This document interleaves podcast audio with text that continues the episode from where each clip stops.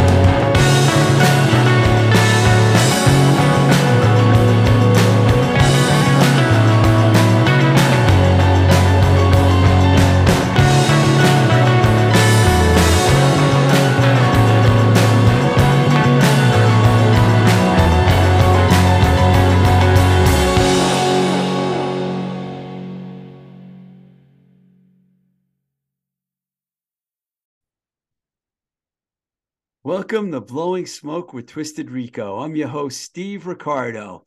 I'm recording remotely today, and just as I got to this location, the last tune I heard while I was in my vehicle was Perfect Day by Lou Reed. What a perfect song. You know, Perfect Day is like Lou Reed. Per, per, perfect Day to me is Lou Reed's Life on Mars, is what I'm trying to say, by David Bowie. Uh, to me anyway. They're both like absolutely incredible songs and they give me the same kind of feeling. You know, they give me a good feeling when I hear them. So, something a little different today. Um, as we round out 2022, um, we're going to play you today two interviews from two different artists that have both been quite busy the last few years. You had just heard, before I started blabbing, Leah Callahan with the title track from her album Cut Ups, which was just released on November 28th, both digitally and on CD. And shortly, we're going to play you a conversation that Leah, Leah and I had about how she has released and she's made and released three albums in the last couple of years. Three in the last couple of years. Later, we're going to play you a talk that I had with Christian Montgomery, whose solo project, Winterkill, are getting to release. You ready for this?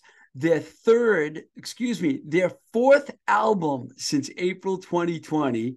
Uh, it's called Lower County Outlaw, and it's going to hit the streets in February.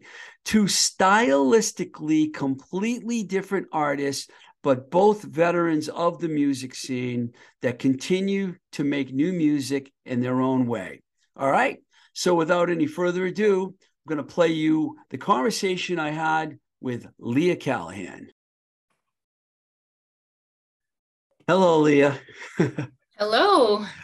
We we probably covered some of this the last time we spoke, which was about a year and a half ago in April 2021. But for my listeners, can you just tell us where you grew up and how you got into music in the first place? Yeah, sure. Um, I grew up in Lowell, Massachusetts, and um, I was given piano and singing lessons at a very young age. Um, but I think that's really common for a lot of kids, you know, not really intending for their child to actually follow, pursue music. Um, I also was a da- dance lessons, but definitely did not pursue that. And um, just fell in love with it um, from a really young age um, and then somehow ended up in like the indie rock scene in Boston. I'm never ended up going to school for it. That's a long story, but um, yeah, and then quit for a while, and here I am back again. so. Didn't you tell me that when you first was Turkish Delight your first band? Yes, definitely. yeah, I think you told me when we spoke before that you really kind of was on the job training, but you learned as you went along with it. Yeah, because I'd really given up music, um, piano at like age nine, um, singing at, you know, I did singing from like nine to 15. It wasn't the cool thing to do. And so I gave that up. Um, so yeah, I never really got like the Berklee kind of musical training. Um, didn't I did very little performing. So yeah, suddenly it was like being on a stage and it was definitely working with other musicians. So it was definitely on the job training, you could say for sure. And things happened pretty quickly for you guys because you guys became pretty popular in a short period of time. Yeah, I mean, I think it's all that really youthful energy, and you're just really passionate. You're just constantly working on your band, promoting your band. It's like what you do 24 hours a day.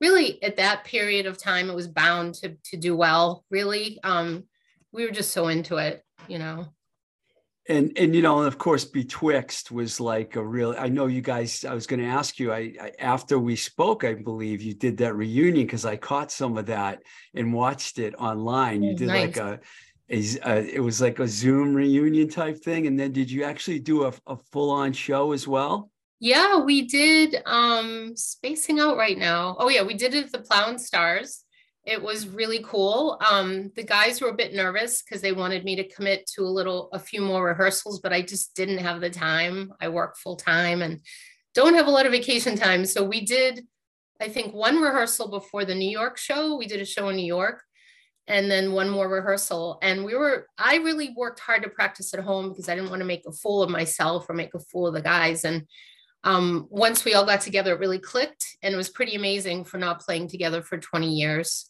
Um, we didn't really want to do like a huge book, a huge place because obviously we hadn't played in a long time. We haven't been putting albums out, but there was a lot of enthusiasm. People were like standing on chairs to see us and it was really really cool seeing some old friends from you know other bandmates bringing up friends i hadn't seen in 20 years so it was a really great show and it sounded really good you are in two very popular bands. Both those bands were great, very different too, completely yeah. different, but yeah.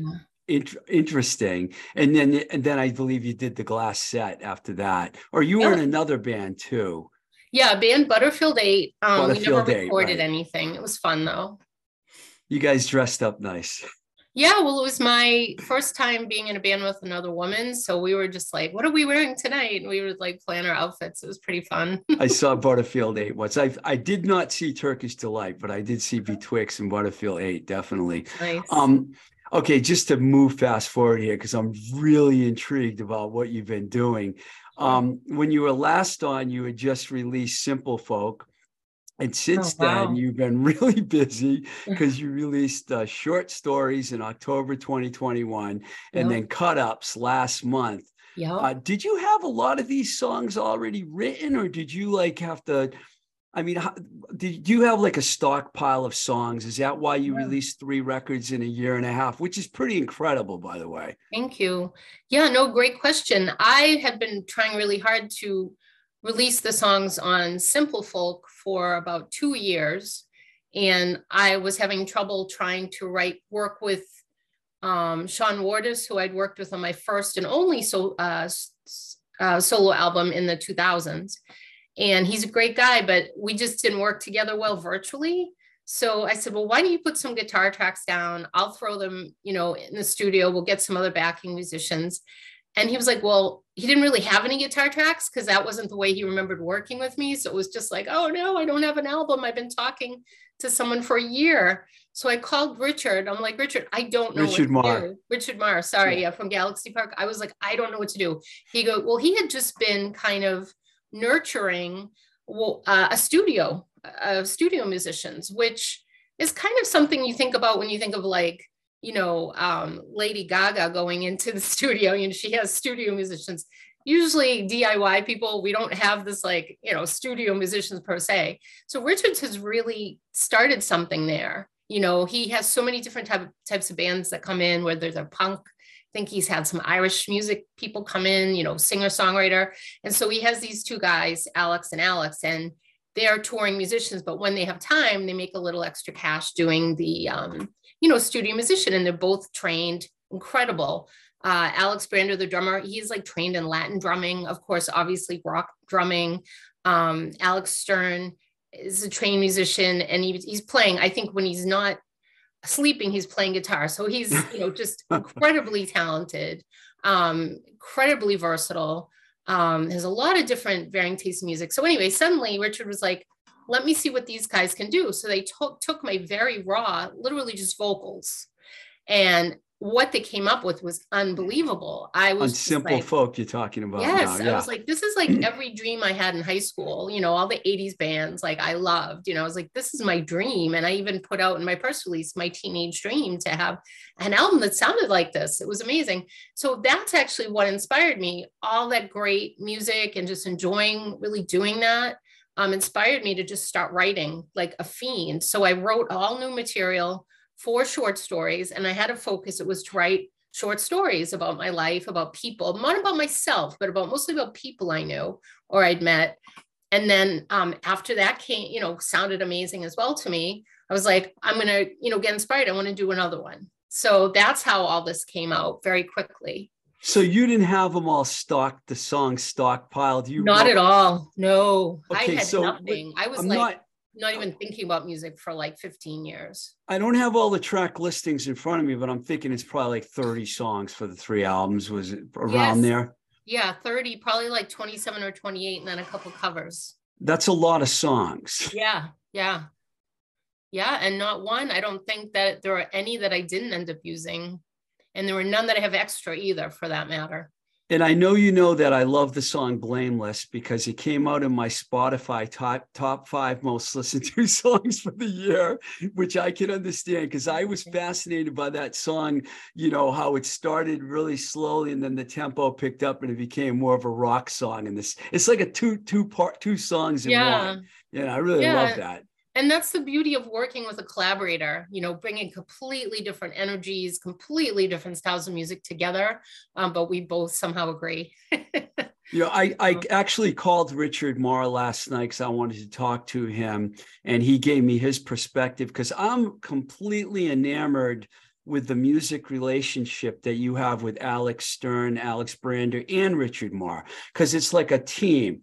You Yes. mentioned Lady Gaga. To me, it reminds me of the way old artists used to do things at chess and Motown. Yeah. the, the art the singer would come in or the band and there'd be a full band in there richard's doing something that no one else is doing that's been done was done years ago You are right. Yeah, because I just saw a thing about Aretha Franklin and a movie, and I was watching, and I'm like, wow, this reminds me a lot, except I did everything virtually, but still, it was really similar. It was like, okay, I have these ideas, I have these melodies, and then there's a guitar part. And 98% of the time, I'd like the guitar part. Every once in a while, well, maybe 90%. Every once in a while, I'd come and say, well, you know, that's a little bit heavy.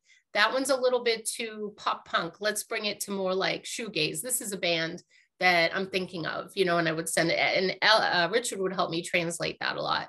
So there were one or two songs on Simple Folk or Short Stories where I said, you know, this isn't really the direction I want to go in. So I changed it up.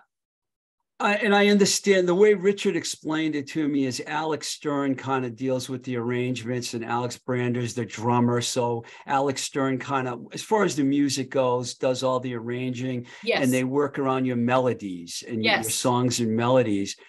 It's fascinating. I mean, did it take a long time for you guys to get that routine going?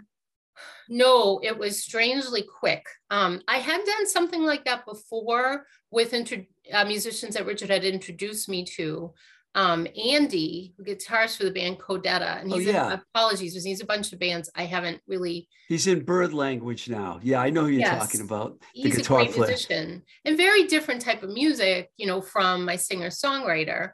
Um, but he had kind of a heavy aesthetic. So I had sat down with him. I had this idea for rock opera in 2007, and I sat with him and I sang, and he strummed the guitar parts. I believe that took somewhat longer and it was different, and the music was really different, but it was the same deal. It was melodies that I would come up with there's not many people that can do what you're doing. It seems really difficult to me. It seems like without just walking in and or calling or doing virtually virtually a melody for someone to pick it up, that says a lot about these musicians as well. It really does. Um, and I mean, Richard says I have a really good ear. And I also come in with ideas and arrangements at times too, and and kind of um my own i could be my own producer on the album as well you know i do some production but no you're 100% right i mean having that ability to come in um the last album there was actually some interesting things that happened. Um there were one or two songs on that cut ups you mean? Cut yes, ups? Cut ups yeah. There were one or two songs that i just didn't see were my vision. Um so it was really hard to translate. Um so what ended up happening was I actually used the music that Alex wrote and I wrote a totally different song to it. wow. I came I came up with one I used the same lyrics. Another I I did have some lyrics like in a notebook and I just put them to the song. And there were two other songs I actually changed up the rhythm a little bit of what I was singing, but so that was different. Um, I just didn't it just didn't agree with me what he had come up with, but I also, you know, really liked what he'd come up with. So the songs are much cooler actually.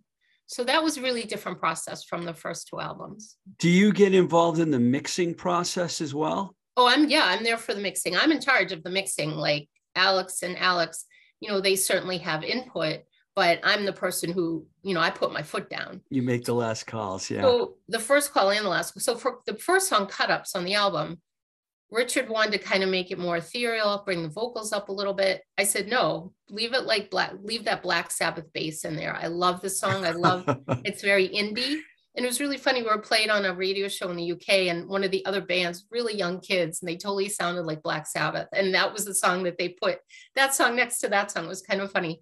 But I love that that song just came out of nowhere. It doesn't sound like anything on the first two albums. It's very indie it's really strange and interesting. And I and so I really like what Alex came up with that song. Um, but I really put my foot down. I don't want the vocals high in the mix for this. I, I want that bass to sound really raw. I don't want this to sound very overproduced. So yeah, I, I definitely have a lot of input.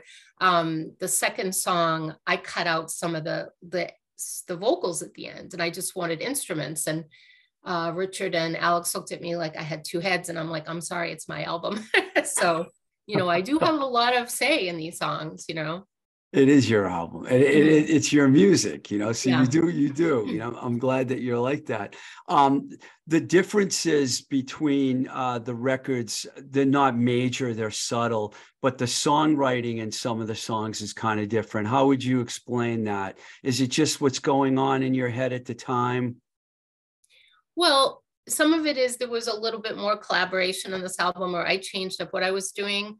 Um, some of it is, you know, just maybe I'm growing as a songwriter. I'm growing in confidence a little bit. Um, I don't know. I'm not sure. you've been at this for a long time now. So you've been writing songs for like a 25 years or something like that, maybe yes. even a little longer. So 1993. I mean, I wrote songs in high school, but I never really did much with them. But yeah, 93 was then I took that big break between like 2008 and 20, 2021. So of course, I'm just basing this on Bandcamp because I look, you have a pretty good following. You have a lot of supporters. So these fans yeah. that have been with you all along, or do you think you're making new fans with your solo music as you go along? Yeah, I mean, I'd like to say they were fans with me all along, but we never really had that ability. We never got signed. We had some great local labels who helped us out, and little things like we were on a CMJ compilation, and that people to this day say they learned about Turkish Delight from that but there's a couple of things going on here. We never really had like a massive big label to like help us and do all the touring. We broke up. A lot of my bands break up. A lot of my bands bands don't sound like the band prior. You know, you yeah. see I don't want to drop any mention any names, but you do see some artists that go out on tour and they sound just like the band they were in 5, 10, 20 years ago. What I do is going to sound very different. It's just the way I am. So yeah, I mean, there are definitely a handful of people that have been following me, but really, you know, I've picked up a lot of new fans and a lot of it has been through the label I Heart Noise. They did a reissue of the Turkish Delight um, albums in 2017 and 2018, and they introduced Turkish Delight to a whole new group of people. Um, some of those people really like my new stuff, many of them don't. so, you know, it's very different. So, yeah, I guess it's just every day. Hopefully, I'm acquiring new fans and then maybe even people who knew about Turkish Delight or Betwixt or Glassette will come across my music and like it or not. You know, it's yeah, kind of the way it is, you know. Your singing style is different on the earlier bands, but on these records, your voice is a very familiar voice. You have a really good voice and you, you know it's a Leah Callahan song when you hear it. So you you decided to play a live show uh, recently with the band. Was that the first live show you done with yes, your stuff? First live show with the solo stuff yeah. And i just i mean i i really had so much fun at the betwixt show. I'm like i want to do this again. This is a lot of fun. Um, so that was probably what motivated me to do it.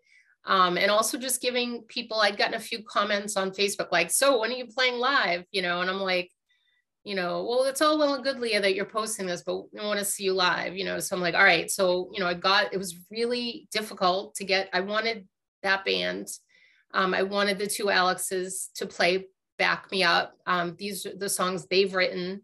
I want them to be there. Um, that was really hard to do. They, they're always on tour.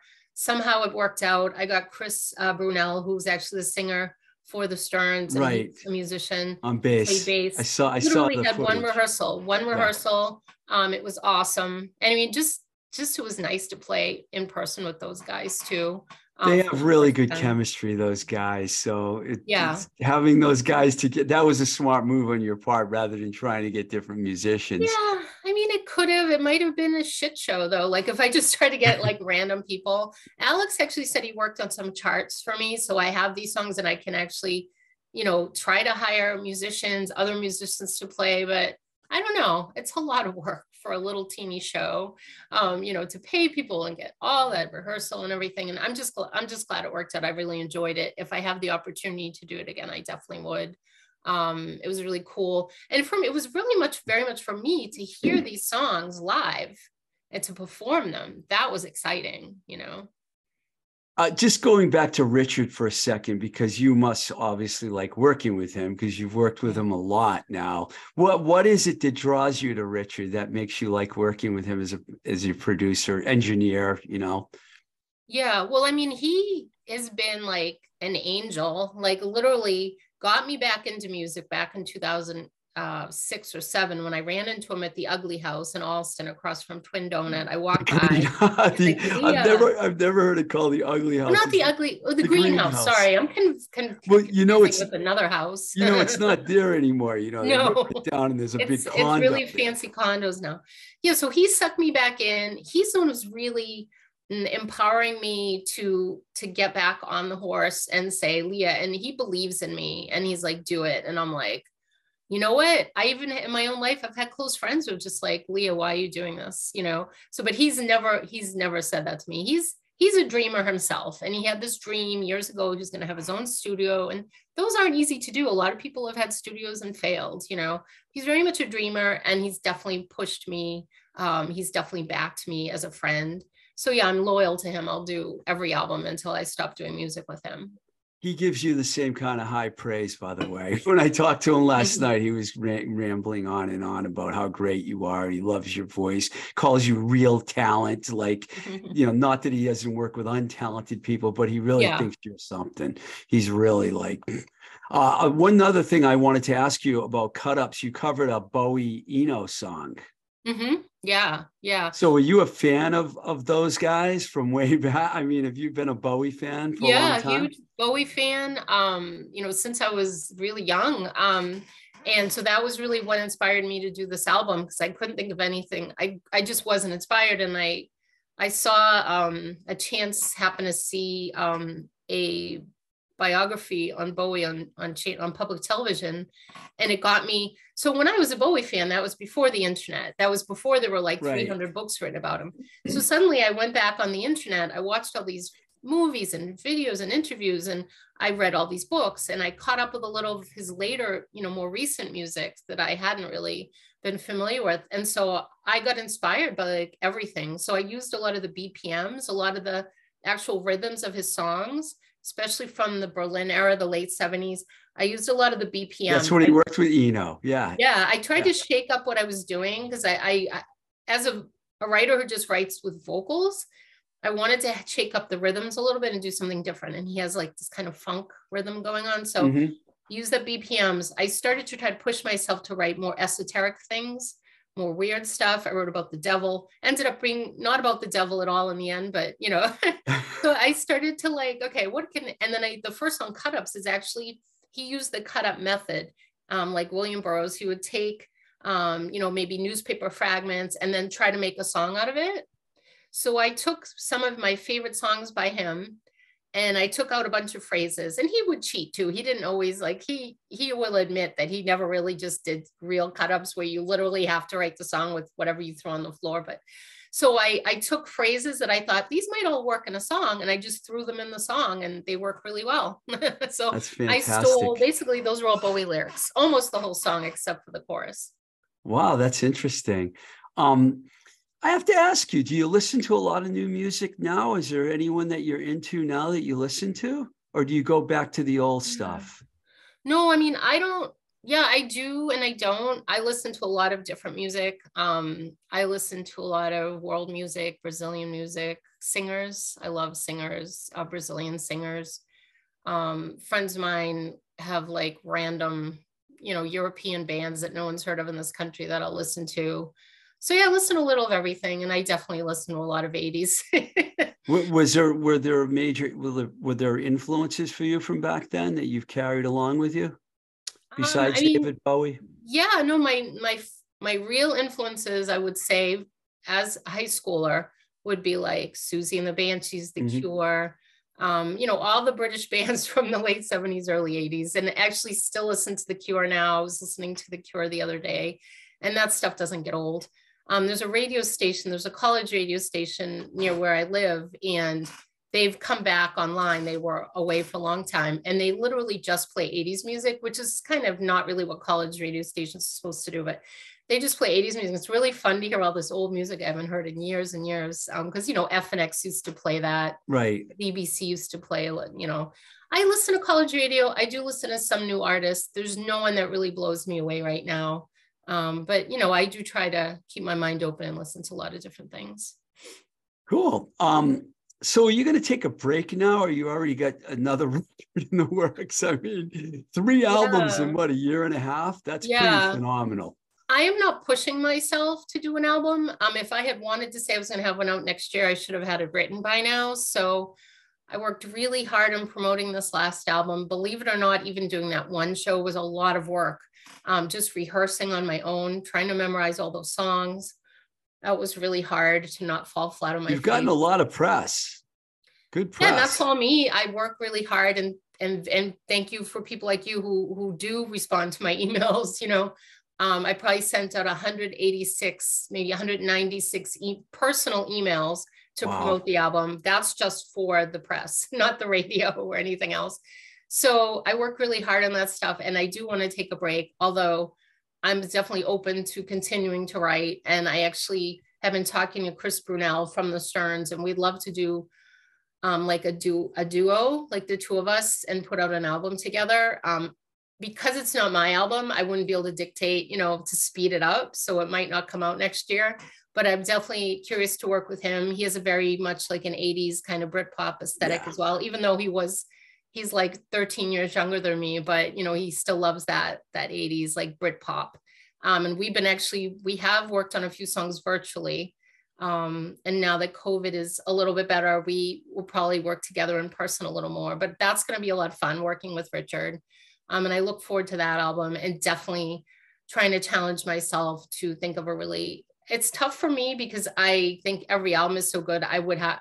It sounds really arrogant, but I would have trouble topping. I love cut ups. I love the first song. I love. I love all the songs and I'm like scared that I won't be able to come up with something better, but I do want to come up with something even better in my I mind. I think you better. and Chris working together sounds really good. He has a really good voice too. The Starnes yes, were a decent band. I want to have him sing, and they're working on a new album as well. That's fantastic. Yeah. So basically, you're going to take it easy for a little while. Yes, I'm going to take it easy and and maybe not be like I need to write a new album now. So if that means nothing comes out this year, that's okay. I did have a goal of 10 albums in 10 years. So wow. Work harder in, in the next year. I love your ambition. And uh, I want to thank you for coming and talking to me again because I'm a big fan of yours. I have been for a long time. Thank you and so I really much. appreciate it. You're doing fantastic work here and I love it all. Thank so you. thank you so much for coming on the show again. Oh, most welcome. All right. I'll talk to you soon. Take care. You know how much I love vinyl and going to record stores. Well, my favorite stop these days is Joe's Albums. Joe has two fantastic locations the original at 1317 Main Street in Worcester, Massachusetts, and their newer stop out in the hipster college town of Northampton at 5 Market Street. Both stores have great new releases every week and a huge assortment of used records. You want to check out some cool record stores? Check out Joe's Albums in Worcester and Northampton, Massachusetts. And if you really want to geek out, go to joe'salbums.com. Oh, yeah, Joe's Albums. Love both locations very much. Okay, so you just heard that Leah Callahan interview. Good one, right? All right, so let's shift gears now. And I'm going to let you listen to a track uh, this one's called Family Owned. It's from Christian Montgomery and Winterkill. And soon thereafter, we're going to go right into the conversation that Christian and I had. So sit back, turn it up, and enjoy.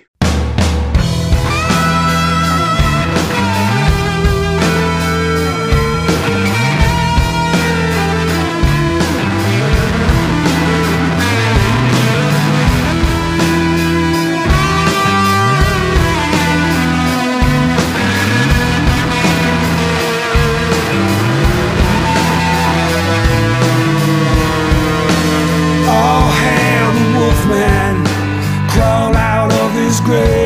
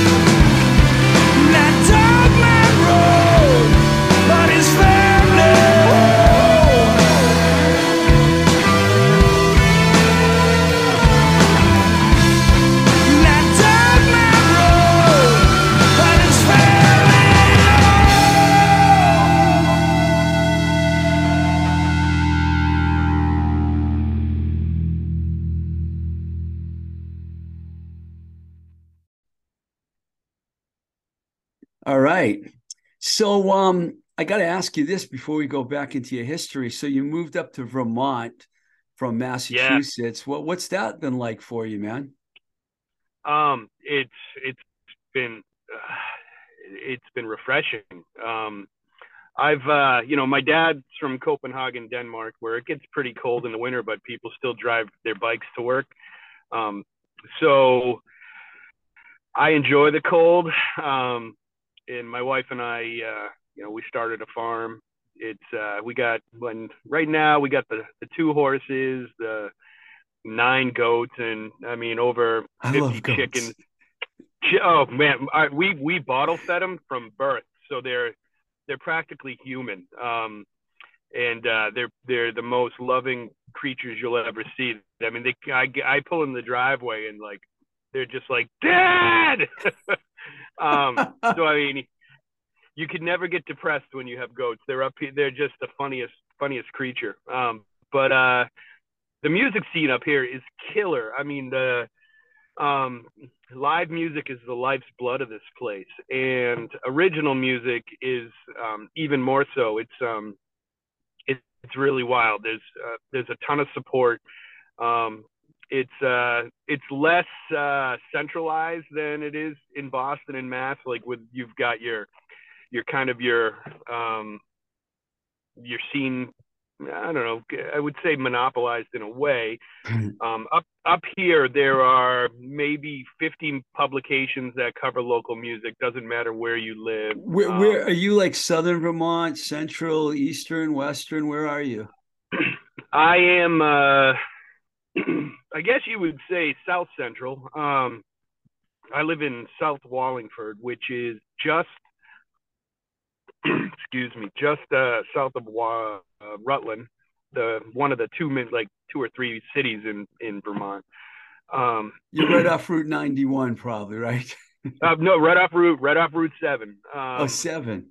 Yeah, we uh, we're kind of kitty cornered near Granville, New York, on the west side of Vermont. Um, it's 15 minutes to New York from my house, Nice. and uh, so we get we get that kind of scene too from Saratoga, Albany, um, where there's a thriving Yeah. live music scene, um, and some really, I mean, there's a lot of jam bands. You got to be prepared for that. Um, it was 50 degrees last week, and if I rolled down my window on the drive home, and you can hear the Grateful Dead playing in everybody's backyard. so I mean, it's a pretty popular thing up here. But Cool. Yeah, it's it's awesome. I've Cool. I figured I'd, I'd ask you that first. Uh, let's go Yeah. back to your childhood. I know you were born in Florida, and then you. When did you actually move to Massachusetts? Um, in my teen years, um, my uh, I, I ended up going to high school in Mass. Um, but uh, I went back and forth a lot. My father and his family lived in Florida for a while. Um, you know, he ended up passing down there, and my younger brother was in Spring Hill. Um, I just lost him a year ago in November. Um, Oh, I'm sorry, yeah, man. yeah, it sucked. He had brain cancer. I threw, I wrote a few songs for him on my uh, last record. Um, but my mother still lives down there, um, and uh, so I I used to uh, you know one of my first like big boy jobs was long lining. Um, from I'd go out sword fishing, and uh, um, you know that was a, a good gig down there. But um, you know, uh, you know, around uh, I think I was 13 or 14, came up to uh, Massachusetts, and um, I, I one of my buddies' uh, brothers was in a band. Um, they were called Abbey Normal, which uh, was really it was a cool band back in the day. And through him, I met Mark Schleicher. Um, Oh, Mark. Yeah. Yep. and Keith and all those guys. And Mark and I, you know, were I was in my first band with Mark and um called Crazy Frank, um, with uh you know, it was a bunch of really cool kids and we had a blast and so uh you know, it kind of as soon as I got up here it was like I jumped right into the music scene up here and you know, I played the rat I played the rat for the first time when I was 15. So Oh, that's awesome. Yeah, that was kind of cool. Um For And, people uh, out there listening, Mark Schleicher is a was in a couple of big Boston bands, Quintain Americana, Crack Torch. He also was a great engineer. And for a long Mhm. time, the song that we used as the opening song on the show, "The Charm So Pretty," was actually recorded by Mark Schleicher at New Alliance in Boston. So Mark and I actually have worked together. He's a great guy. And uh, that's cool. So, w- were you into Yeah. like certain kinds of music at that point in your life? Like, what were you listening to? Well, Mark, Mark, and uh, and those guys in the band were kind of the catalyst for a lot of changes for me. I grew up with a heavy dose of country. Um, you know, my first concert was Larry Gatlin and the Gatlin Brothers, and um, and then when I moved to Massachusetts, my first concert up here was Anthrax and Ozzy Osbourne in Worcester Nice. and Mark introduced me to Ministry, um, a bunch of different bands that at the time were obscure. Um, and, uh, you know, uh, I started religiously going to see Sleep Chamber at Ground Zero Oh. in Boston. Wow, that's a heavy band. Yeah, they were awesome. Um, I remember going to the, my first show there, and I mean, this is back in like, you know, late '80s, early '90s. Nobody was carding at the door. Um, you know, there was, uh, um, if you got injured at a club, there certainly wasn't any repercussions coming back on the owner. Um, it was, uh, it was a much more free for all, savage uh, scene and uh, I walked in to see Sleep Chamber and this band Holy Cow, and that's when I realized I wanted to be in a rock band. Um, they had aphrodisiac smoke pumping, porno pornos playing in the background, um, all sorts of lewd acts were being performed under the tables of these places, and I was like, "This is this, you know, I know this is." All the things my grandmother told me about that in the Bible that you'd go to hell for, um but it was like i was like at that point like man this is so worth it right, right. Uh, was it soon thereafter that that you got Bone Dry System going? yeah yeah bone dry um bone dry was uh the band right after uh after mark and I, I was actually in a band with mark's brother keith and um um after that band with keith we had bone dry system and that that was cool. It took off i mean we uh we got pretty big back in the in the early 90s mid 90s and um we had a lot of fun Yeah, and, and, you know, I know you talked about in an interview that I read about how you started going in. You felt yourself going in a more grungy direction around that time. and your style changed a little bit again. You've gone through some style changes to get to where we are now, which was a real big style change. Talk about that period of your life and what that was like doing the solo thing. Because I know you were getting airplay in Boston and you were pretty popular on on the local music shows and things.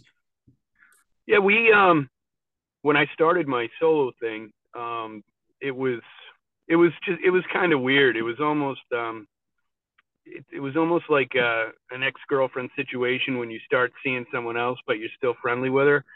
Um, the guys from Bone Dry and I never really lost touch. I suppose we never really broke up. Um, we were always still kind of in love, and um, so they, you know, they'd come out and see the my solo stuff, and uh, you know, my drummer Jay was playing with Dennis from the Boston's for a while in a band called Chubby. I remember Um, Chubby. Yep. Yeah, and we we kind of uh, we kind of circled each other doing our thing, um, and uh, uh, you know, I guess I was doing okay. I mean, I've I've always had that like kind of uh, uh, staple kind of family group in Boston. You know, uh, I mean yourself included. Um, you know, back in the, I mean when when you used to book me, um, there was such an enthusiasm about local music. That's one of the things I've always loved about you was like you were just always been so passionate about supporting indie art, and um, you know Carmelita was great, and you know I mean I I felt like I made some friends. I mean uh, every time I talk to Carm, I talk about that time we went to uh, Coriana's in Cambridge, and I got kicked out for chasing people with a fish head, and um, you know. Uh, I think you know. I think Jill was there, and um, you know, but yeah, that was a, a fun time. But um, You're a rebel, dude. You were a rebel. I had I had a lot of fun. You know, I I mean, uh, the rock and roll stories that I have from Boston. You know, pushing my buddy Tim home from Bunratty's in a, a shopping cart I had to steal from Shaw's because he was too hammered to make it back to Allston. Um, and we had, we had a blast. Um, but uh, yeah, my, my solo thing just kind of came and went. Uh, you know, different players came in and then left, and uh, um, I've always I've always been a fan of um, you know Tom Petty and the way Right. he was genreless. Um, he was just Tom Petty. Um, you know, he had absolutely uh, free reign when it came to what he wanted to do musically. Um, he could play a more punk song or he could play a more country leaning tune and it was still Tom. And that's somewhere I always wanted to, I always wanted to get to. Um, my, uh, more this, this particular project, um, I have a song called Five Horses. And when I released that album, um, it was immediately song of the week on Boston emissions. Um, and, uh, you know, I found myself, uh, maybe getting a little jaded after that um, because uh, you know some of the some of the local uh, the local music shows um, were like, man, this is kind of cool.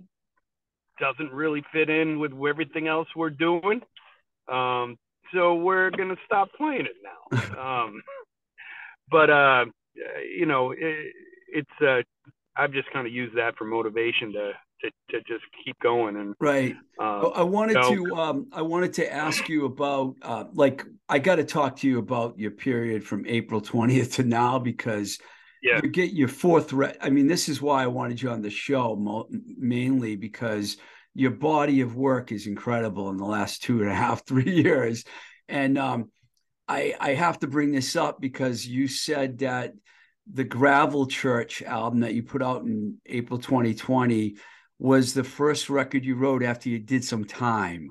And you don't have to Yeah. get into the details about that if you don't want to, but I know you did a six month jail sentence. Everyone kind of knows that. Yep.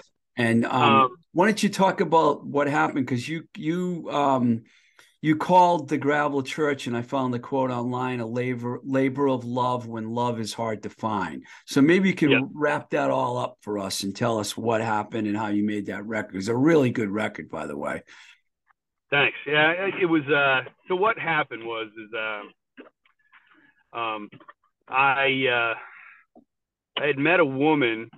Um, you know, I always had uh, custody of my my daughter Madeline, who was uh, um, it, just the light of my life. Um, and I I met a woman. She was already married to another dude, like for two weeks, and I ended, you know, slept with her and got pregnant, and she uh, uh, she had some serious mental health issues, and so we, I tried my best to kind of make that relationship work. We had four children together, um, and uh, when I eventually wanted out, um, you know, she told me if I left, I'd never see the kids again, and she'd make my life hell. And she followed through on that. Um, so I, I um, late in life got diagnosed with type one diabetes.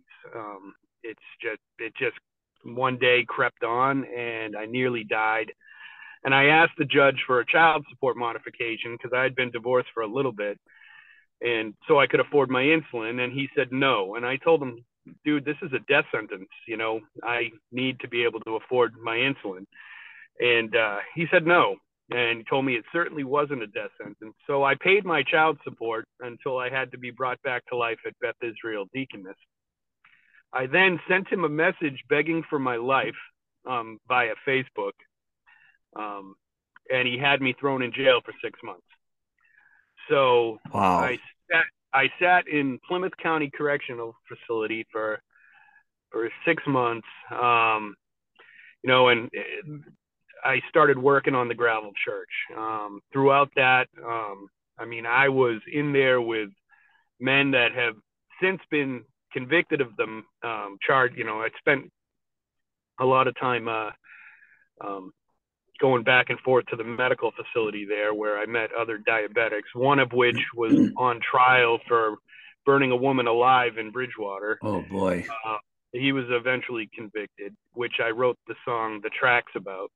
Um, but uh, I, I sat in there and I was uh, just was resolved. Uh, you know, found the resolve to say I'm I'm going to write a record. Um, my wife, I had gotten remarried to uh, the first girl I ever kissed, and uh, um, whose uh, father was a, owned a fishing company, and my pop was a fisherman. So you know, she was hot and back in the day, and we tracked each other down 30 years later. But um, the long and short of the gravel church was it was uh, the gravel church was a spot in the prison where I was allowed to go outside and walk around this little circle, like in that uh, Hmm. in that movie Midnight Run. Um, and uh, I got in a fist fight with a kid who was a drug dealer, half my age, knocked him out cold with one punch, um, and uh, had some pretty terrifying stories from that place. Um, a lot of uh, lot of stuff to uh, to write about. Ended up having a 16 song album about it, and um,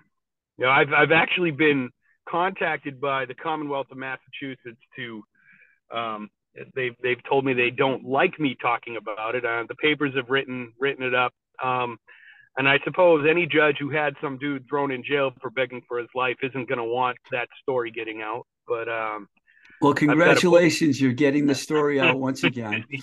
yeah, I uh, I have a book coming out um, called uh, "They Still Hang Witches" about my experience in uh, in the court system there, and um, you know my grandmother was a direct descendant of a few of the women hanged for witchcraft in Salem. Wow.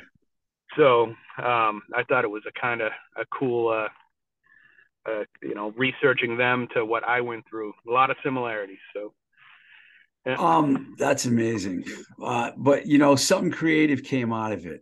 Uh, you know, and I, this is incredible because the next record you made was in February 2021, which was you know, like barely at night, you know, not even a year uh, after the first record called Prince of Poverty. And the record starts off with the song "They'll Remember My Name," which is Yep. a much heavier tune heavy in the sense of content and everything than what you did with the gravel church heavier music wise i mean it, it has a lot more of the outlaw country feel which you're kind of like really into now it's like i've seen the progression from record to record uh, you have a really good song good line in a song i'll find my way my home uh, you write Mm. i'm a man with no religion but i'll find my way home and I thought Yeah. that that was a highlight. That whole record, once again, they'll they're they're really good songs. And once you talk about the Prince of Poverty a little bit, um, yeah, that was Prince of Poverty was,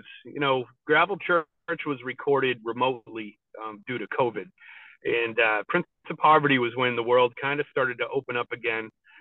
Um, a lot of people I you know, talked to were, uh, you know, a lot of disgruntled workers at the time who were not getting paid what they wanted to get paid. Suddenly, were in a position where they could write their own ticket and say, "Hey, um, yeah, I'll come to work for you, but I this is what I want." And um, um, it was a moment where my producer Joe was like, "Yeah, let's just keep going." And uh, he played guitar on all these records, and um, he's a super talented guy, producer and guitar player. And uh, he was he was kind of the guy who just kind of kept pushing me and said, "Hey, you've if you've got these songs, let's just put them down." Um, you know, "Find My Way Home" was about um, uh, my love hate relationship with alcohol, and you know, luckily becoming a diabetic prevented me from being able to continue to enjoy that love affair. Um, but uh, it was always a uh, um, it was always that monkey on my back. So um, find my way home was just all about you know I might not be the most spiritual person. I I I might not be somebody who's um, going to try to um, reflect uh, and make it romantic. I'm it was just I'm just done with it. I'm I'm you know so it was uh it was kind of about my abrupt um ending of the relationship with beer well that's really interesting. I can relate to that completely because it'll be uh two years in march since i you know finally kicked alcohol which was you know the last thing that i had to kick after all the other stuff. You, yeah. you know man you know it's the music business man. It's like you, you go through a lot of shit. I'm glad that that happened for you. And those songs are really good. Now in January 2022, and for the people out there listening, I don't want you to think I'm going too fast here, but there's four records here, man, in a short period of time. so we gotta talk. I want to talk about all of them. Uh, Heaven for the Heretics is released. This record, in my opinion, just my opinion, seemed to pull it all together for you. When I listen, it's like a Steve Earle record. It's like a full-on alt country. It's got that outlaw feel the songs are really good, one of which I'm playing on the show. We'll talk about in a minute, family owned. Um, I'll Break Your Heart Again is a deeply honest track. Uh, and I wanted to ask you about that track, first of all, because you write songs that I can tell.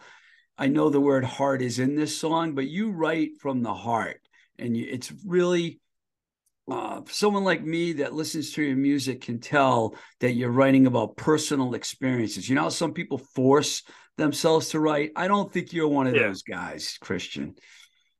I, I, uh, well, it absolutely comes from the heart. Um, sometimes it comes from a little darker place. Um, you know, uh, I've always had a, um, I've always fought depression. I've always, uh, you know, uh, I mean, some of the things I've been through life, you know, uh, I went uh, one time to to see a psychic, and she told me that when I was choosing my next life, I pushed someone else's soul out of the way because I felt that they weren't ready for this life, and that I would be better suited for the suffering.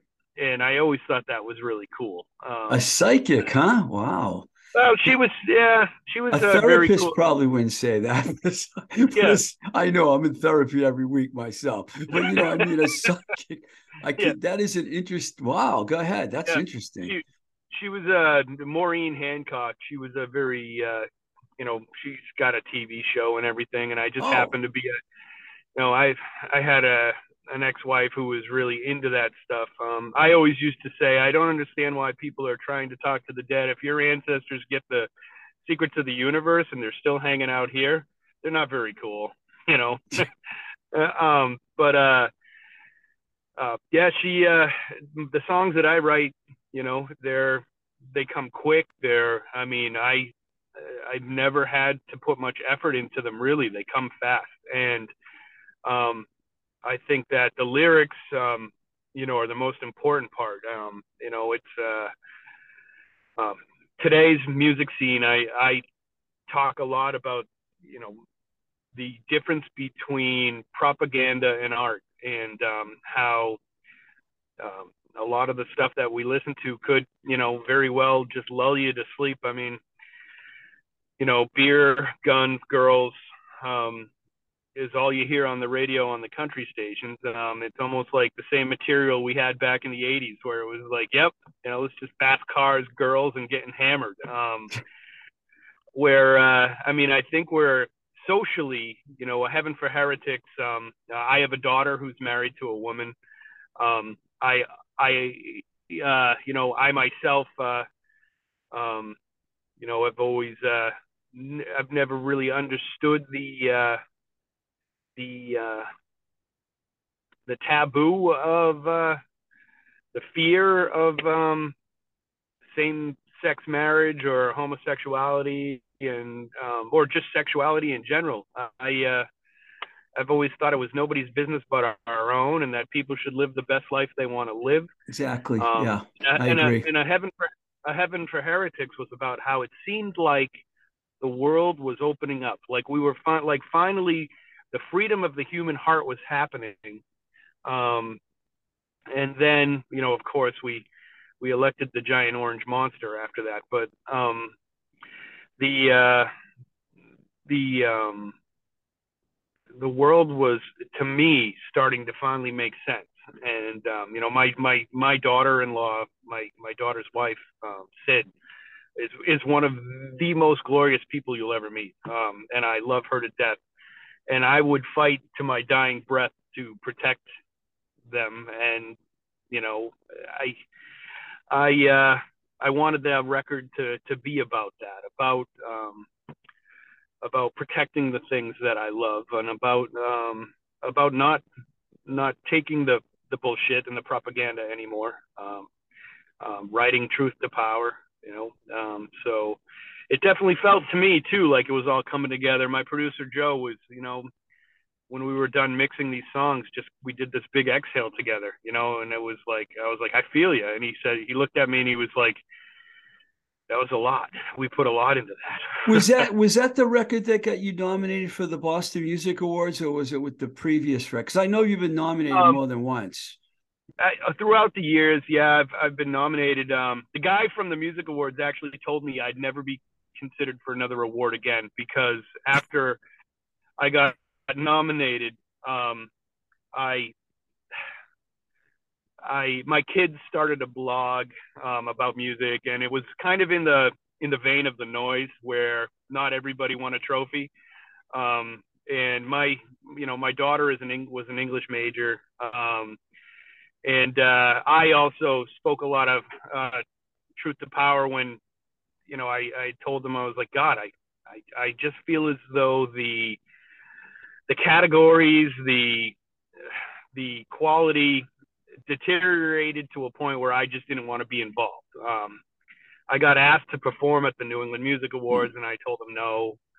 Um, and uh, I, uh, I just felt as though mainstream pop culture had made its way into the world of independent music and I didn't want to have anything to do with it anymore. And it's really uh, funny, you know, I joked about I've joked about this before because I have a really what I like to consider a very popular podcast, especially in the Boston area. And they snubbed me. They've snubbed me two years in a row. I didn't get nominated, yeah. but I'm not losing any sleep over it. I'm just like, oh, yeah, okay, the Boston Music Awards, you know.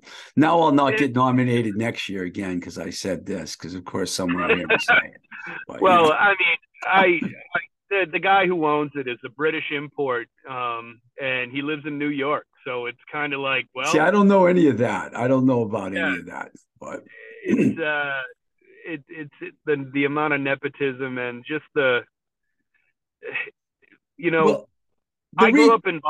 Yeah. I'm sorry. The reason I even brought this up is not to have a long discussion about that, but it's because I think it's such a great record that I thought maybe that was the reason why you got nominated. Because the first two records yeah. are really good, but you like just my opinion, of course. I Heaven for Heretics, it all came together, and that was it's going to lead me to talk about this next track here, which is called Family Owned. It just absolutely grabbed me, and um, you told me when we had our little pre-production talk that the song was about Wolfman Jack. And you Yeah. know, you got to tell the story. You got to explain this because I don't know of anyone that's written a song about Wolfman Jack. I don't even know if my young listeners will even know who Wolfman Jack is, but we know because he's a legend. Yeah. he he was a legend. Um, the the man was he was kind uh, you know in a sense he was uh, kind of like the male persona of Elvira, Mistress of the Night. Um, he was he was the uh, the patriarch of the Halloween scene back in the in the you know 70s and 80s. But um, he uh, he he was himself, and that's what I loved about that dude. You know, and he had that deep voice, and he would um, you know, I remember, you know, just me and my buddies going, baby, baby, and, and uh, you know, copying Wolfman Jack in school, and um, and he was just that, you know, one of the first outlaw radio guys who, um, you know, was just unabashedly himself, and um, and it was cool, and I just I decided the man deserved a uh, a little bit of uh of a, a homage to to his career. I mean, I was reading that his wife had him buried in their front lawn. wow. I, th- I think it's down in like he's either in the north or South Carolina, but um, I mean the he was uh he was definitely an original, and uh, um, and the song just kind of happened. Um, you well, know, the song's really good, man. It really hits you, man. You know, it's a good song. You know, I, I Yeah. love it. I love it a lot, man. Um, in February 2023, hard to believe we're saying that. Uh, you're going to Yep. release your fourth record, which is done, and Yep. uh, the fourth. I'm sorry, the fourth record now because you have other records before this. The Yep. four during this period. And the new Yep. record's called Lower Country Outlaw. You can already hear a couple tracks on Bandcamp. And Yep. um, talk about the title and what the listeners can expect from your fourth record. I listened the 4th of July, and there was a demo mix of another track on there that you could listen to. And it, it's not a big departure from what you're doing, but is the rest of the record in the same vein as like a Heaven for Heretics, or is it? It's uh it's called a low it's called Lower County County County Outlaw. Oh, did Um, I say country? I'm sorry. Lower. yeah, lower lower lower county outlaw and I'm um, due for I'm due so- for at least one mistake in the interview. You know, it's like no I that's mean, totally that's totally cool um yeah we uh we've put two songs um gypsy girl and fourth of july up online Yeah. and uh so it's this studio is recorded at a, um, the studio at Strawberry Fields in Manchester, Vermont. Um, and the the way I met this guy, um, his name's Andrew Koss. He's a producer. Um, he uh, he was Alicia Keys and John Legend's producer. wow. Yeah, and um, during COVID, um, they they ended up selling their recording studio in um, in New York City. Um, he moved his family to Manchester, um, and I would say he's a very successful guy. Next to his studio, he has a house that is the artist residence house. Um, I know uh, Miss, the the producer. I want to say Josh Killeen or Killian. He was the guy who mixed Peter Gabriel's "So" and U2's "Joshua Tree." He does a lot of work there, um, and uh, but Andrew, at first when I hired him, was this was just like any other job. Um, and we did a six song, what was going to be a six song EP. And he said, listen, man, he goes, uh, I think we should do a 12 song album. And I said, you're probably talking to the poorest guy in Manchester, you know, or, or poorest guy in Vermont. And um, he was like, I just want to do this. And uh, he plays, he plays drums and, uh, and he's producing the record. Um, so it's kind of turned more into a collaboration. So you'll hear a lot of Andrew in this. Um, Andrew, um, he's uh, he likes a lot of um, uh, he likes to play with guitars quite a bit. So I think people will be really impressed by the guitars. Um, we've some crazy effects and. I've told him that I'm looking for that kind of Chris Whitley vibe. Um, you know, Right. Chris Chris has always been a big a big influence of mine, um, and we lost him way too early. Um, he was such a prolific singer songwriter, and and he too was a guy that played right from the heart. But uh, um, this one, a Lower County Outlaws, 12 songs, um, and it's uh, it's def. You'll hear you'll hear a little 80s metal. You'll hear um, you'll hear some. Uh, we have a song called "The Girl The Girl with the Gauges in Her Ears," which is a old school punk rock tune. Um, it's uh, you know, it, it all still sounds like the band, but uh, we've definitely gone off on some uh, More in a rock direction. more in a rock direction. Definitely, uh, you know, going back to my old Crazy Frank, March Liker punk rock days. Um, and uh, but still incorporating a little bit of twang in there. You'll hear my uh, my steel guitar here and there, um, but for for more of a for more of an effect than a main instrument. But um, it's uh, it's been a lot of fun working with him, uh, and um, you know I had to pay for what I was doing at Ultrasound, um, and uh, but Joe gave me a really good rate. But this one now has become, you know, I I don't have to worry about money. It's been it's been nice.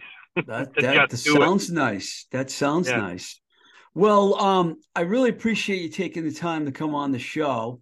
And I don't know, are you No going to play any live gigs or anything like that, or just something you want to plug? Or Um, up here in Vermont, I am playing. Uh, I have uh, um, January 21st at the Bomoseen Lodge. Then I've got January 27th at the Underground Studios in Randolph, Vermont. And then on February 10th, I'm playing at the Brandon Town Hall, opening a show for a singer songwriter named uh, Brianna Elaine. Um, if you like Jeff Buckley and you like Alanis Morissette, she is a combination of the two. Um, check her out. She's an amazing artist. Um, 25 year old singer songwriter, single mom who has decided that she is going to try her best to just play music for a living. She's struggling, but she's making it. Um, and uh, she's, you know, um, my wife um, just has fallen in love with her music and um, she uh, she's a great singer. So check her out. cool. Well, Mm. thanks, man. And you know, I don't have to tell you to keep going because I know you're going to probably have another Yeah. record out in, in, another, in a year from now, or maybe sooner. Probably. But congratulations on this great accomplishment of four records in less than three years. That's that's pretty impressive, dude. Thanks. All right, you take care. All right, All right, bud. Thank you. you got it. And how about that? Two great conversations in one show. And I hope you like them both. Blowing Smoke with Twisted Rico is a free show sponsored by you, the listeners. And if you want to contribute to the show, there are two ways that you can do that. We have a Patreon account, patreon.com forward slash twisted rico. And you can also support us on Anchor on our own home page at anchor.fm blowing smoke TR. If you are not subscribed to our pages on Apple, Spotify, YouTube, please do so so you can stay updated on what's happening with the podcast. Rating and interviewing us on Apple, especially, will take a minute of your time. So I greatly would appreciate if you would take the time to do that.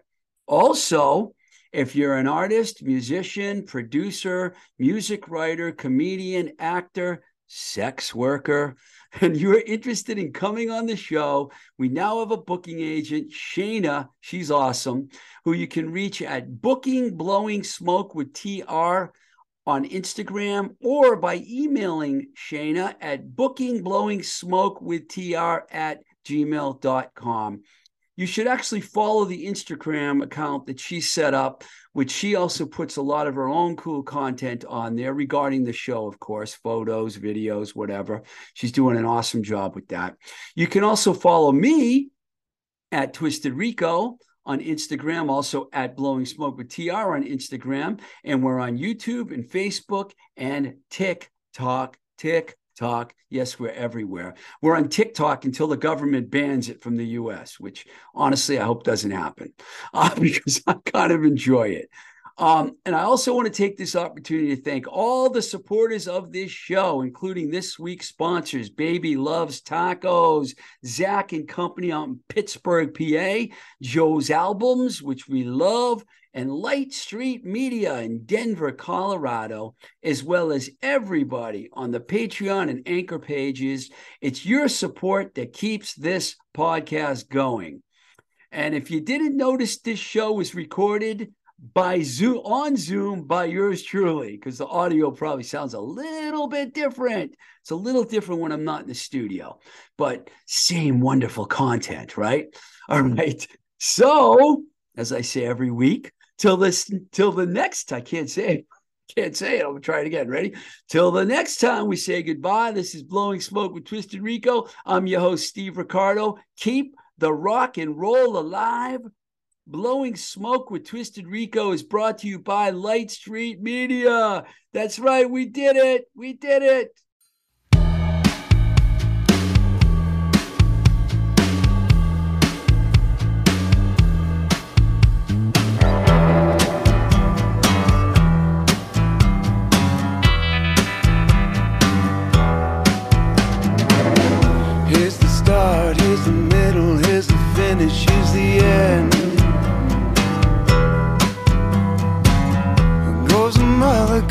Father, goes the wife, stays the friend.